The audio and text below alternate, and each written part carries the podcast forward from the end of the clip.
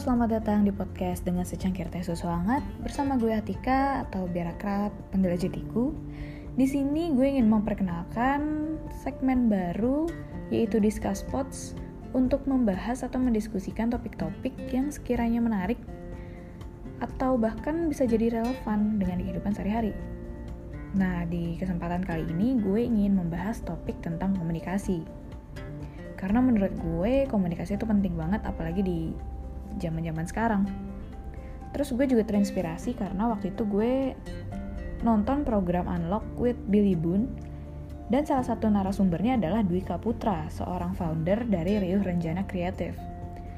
Dia mempresentasikan dan menjelaskan beberapa hal tentang berkomunikasi. Dia mengatakan bahwa 80% hidup kita itu dihabiskan untuk berkomunikasi.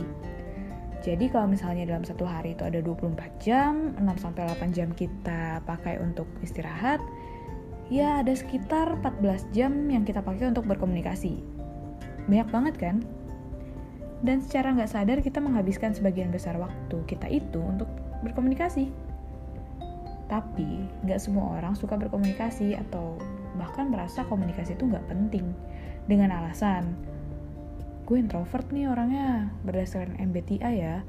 Gue tuh orangnya INTJ atau INFJ atau bahkan dengan alasan gue nggak suka ngomong gue lebih suka dengerin orang lain. Kayak nggak bisa aja gitu gue ngomong. Nah datang dari isu atau hal tersebut di sini gue akan bahas sedikit tentang apakah komunikasi sepenting itu. Dan sebenarnya lebih baik berbicara atau mendengarkan aja sih Nah, dalam konteks ini gue akan menyampaikan komunikasi ya secara umum dan membahas atau menyampaikan opini gue juga.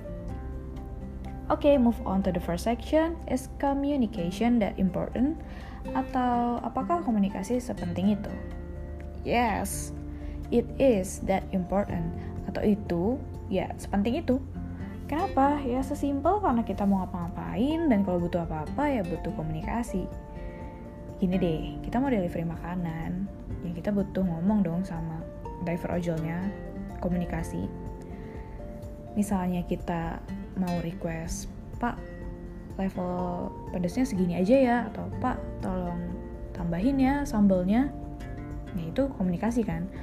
Atau bahkan drivernya nanya, e, Neng atau Mas, ini udah sesuai aplikasi atau pesanannya sesuai aplikasi? Ya kita jawab dong iya pak sesuai aplikasi.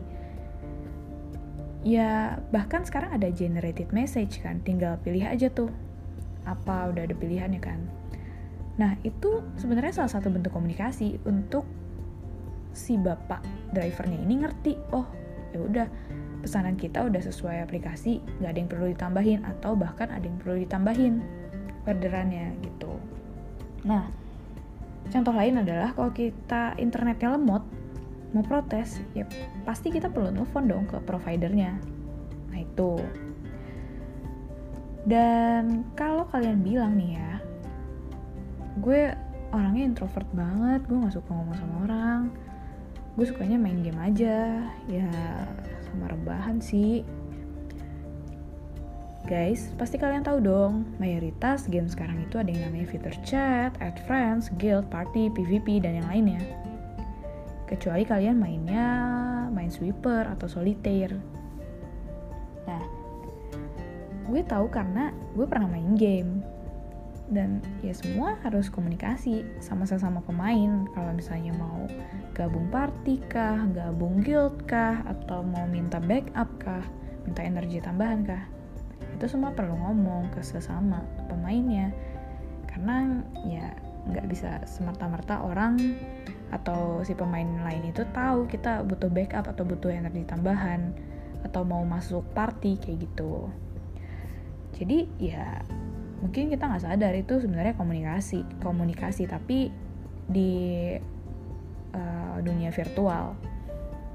Nah komunikasi itu gak cuma terpaku sama pertemuan tatap muka aja. Tapi kayak yang tadi gue bilang ya, ada juga komunikasi lewat virtual. Kayak misalnya tadi salah satunya adalah games, atau juga bisa chatting, webinar, video call, email, podcast, dan lain-lain. Dan Dwika Putra juga menjelaskan bahwa 5-15% komunikasi itu kita lakukan secara sadar, yang berarti kita perlu rencana dan berpikir sebelum ngomong. Ya mungkin kayak mau presentasi, rapat, dan lain-lain. Pasti ya kita perlu menyiapkan bahannya, perlu menyiapkan topik yang perlu disampaikan. Tapi 85-95% komunikasi kita lakukan secara intuitif yaitu kita udah nggak harus mikir lagi nih mau ngomong apa dan jawab apa. Misalnya, kalau kita angkat telepon, secara otomatis kita akan jawab, halo. Atau, kalau kita lagi di toilet dan ada yang ketok pintu, kita akan jawab, ada orang, dan sebagainya, contoh-contoh lainnya. Jadi sebenarnya komunikasi itu banyak kita lakukan dalam kehidupan sehari-hari tapi secara intuitif. Jadi mungkin kita nggak sadar kalau itu merupakan bentuk komunikasi. Dan di era sekarang ini, komunikasi itu bukan lagi hal yang nice to have atau yang bagus untuk dipunya atau keren untuk dipunya, tapi must have atau harus dimiliki.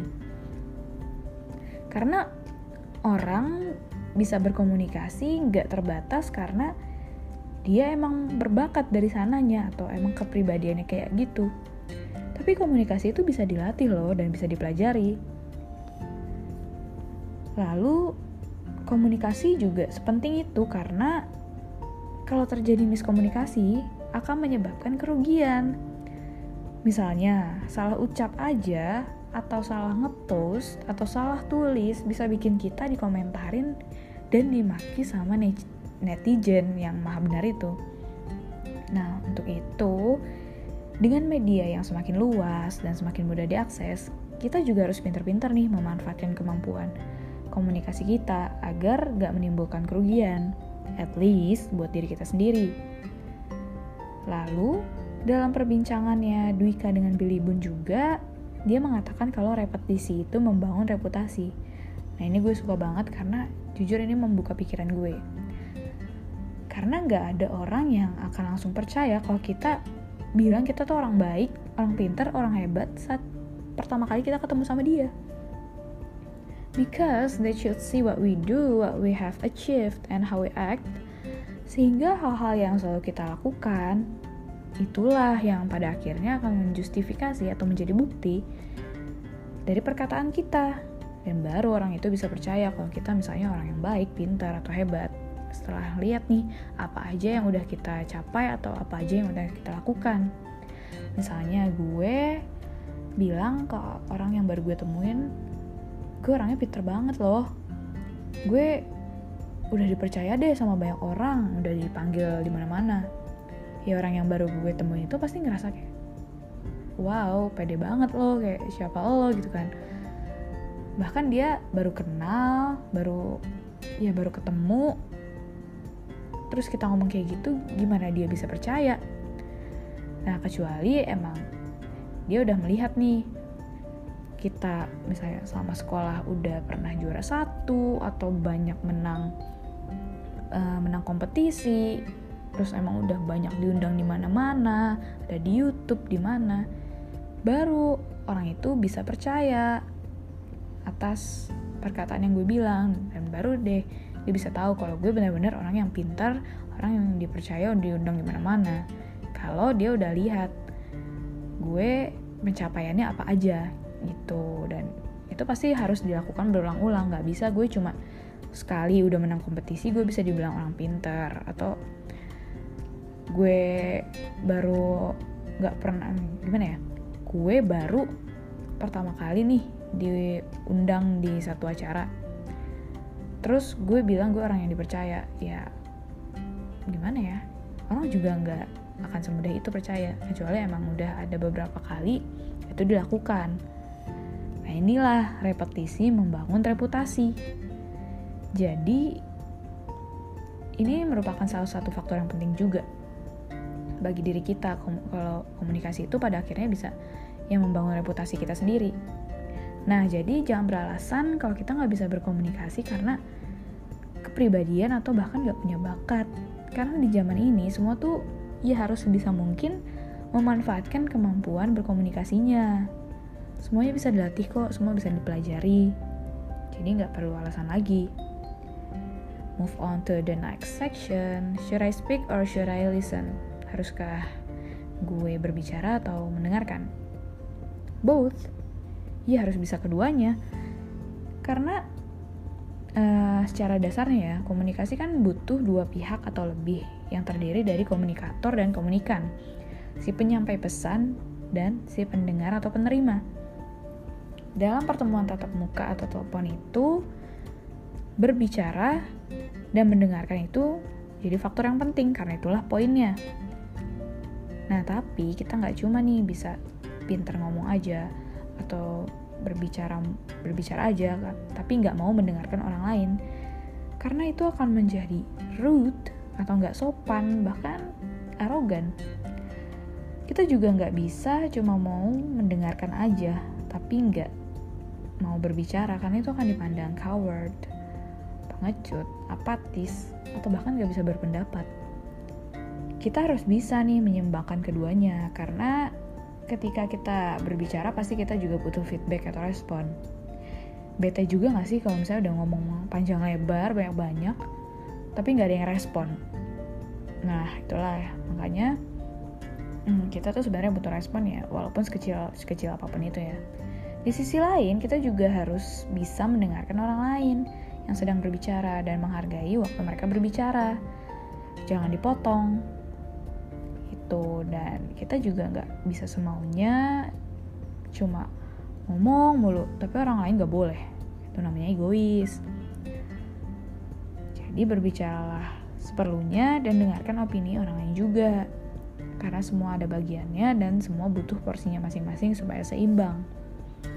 Menurut gue, seseorang yang bisa berkomunikasi bukan cuma tentang seberapa bagus dia bisa berbicara, berpidato, atau menyampaikan pendapat. Tapi gimana dia bisa menyeimbangkan waktu berbicaranya dan waktu mendengarkan orang lain juga. Dan berbicara sama mendengarkan itu nggak sebatas cuma tetap muka aja kayak yang tadi udah dibahas juga menurut gue menulis status, artikel, postingan atau membuat quote. Podcast itu juga merupakan satu bentuk berbicara dalam bentuk tulisan atau bentuk video atau bentuk media podcast karena tujuannya adalah untuk menyampaikan pesan. Dan mendengarkan itu juga bisa dalam bentuk kita membaca, menonton video, atau mendengarkan podcast juga, karena tujuannya adalah untuk memperoleh informasi atau mendapatkan informasi. Nah, dalam hal ini kita tuh harus bisa bijak dalam berkomunikasi untuk menyampaikan hal-hal yang patut dan sepantasnya ditulis atau dibuat konten video, podcast. Terus juga dalam memberikan feedback, ya sampaikanlah komentar yang sempat sepantasnya dan seperlunya. Untuk itu, kemampuan berkomunikasi sebenarnya harus terus diasah dan juga dipahami secara moral, itu yang paling penting. Supaya nggak sembarangan informasi yang kita berikan. Atau kita juga supaya bisa memfilter informasi yang kita peroleh. Nah, gue membahas topik ini pun juga sebagai pelajaran supaya bisa lebih baik lagi berkomunikasi baik secara langsung atau secara virtual. Karena banyak banget kejadian yang seharusnya nggak terjadi karena kesalahan berbicara atau terlalu bebas berbicara. Kalau penyampaiannya ya dilakukan secara pantas, terstruktur dan pada situasinya sesuai gitu. Terus paling penting juga, kolom komentar itu ya seharusnya gak diisi sama kata-kata makian atau kata-kata yang menyudutkan. Karena sebenarnya semua bisa kok diubah dengan kata-kata yang lebih konstruktif atau membangun. Karena ya, kalau kata-kata makian udahlah dosa, gak menghasilkan apa-apa, cuma bikin kesel yang ngepost juga. yang gak ada gunanya. Sedangkan kalau kata-kata yang konstruktif, atau membangun itu kan ya bisa membuat yang ngepost tahu nih misalnya salahnya di mana terus dia harus memperbaiki di bagian apa sehingga kontennya akan lebih berkualitas lagi ke depannya. Gitu. Nah jadi berkomunikasi itu penting ya. Dan harus berkomunikasi. Apalagi di era sekarang di era 4.0 karena semuanya udah connected dan butuh banget komunikasi. Baik itu secara sadar atau nggak sadar uh, maksudnya yang baik itu yang planned yang direncanakan atau yang intuitif. Terus juga nggak usah menjadikan kepribadian atau bakat sebagai alasan kita nggak bisa komunikasi. Ya mungkin kalian cuma nggak mau atau nggak ya nggak ada kemauan bukan yang nggak bisa. Terus juga bijaklah dalam berbicara dan mendengarkan karena keduanya harus seimbang terus juga ingat lagi tadi dipahami secara moral ya apa yang harus dibagikan dan apa yang harus diperoleh eh, uh, informasinya terus last but not least Terima kasih banget semuanya yang sudah mendengarkan. Semoga berguna dan bisa menambah wawasan. Terus terakhir, stay safe, stay healthy semuanya. Jangan lupa jaga kesehatan. Terus kalau mau keluar, jangan lupa pakai masker. I'm signing out guys. Bye bye.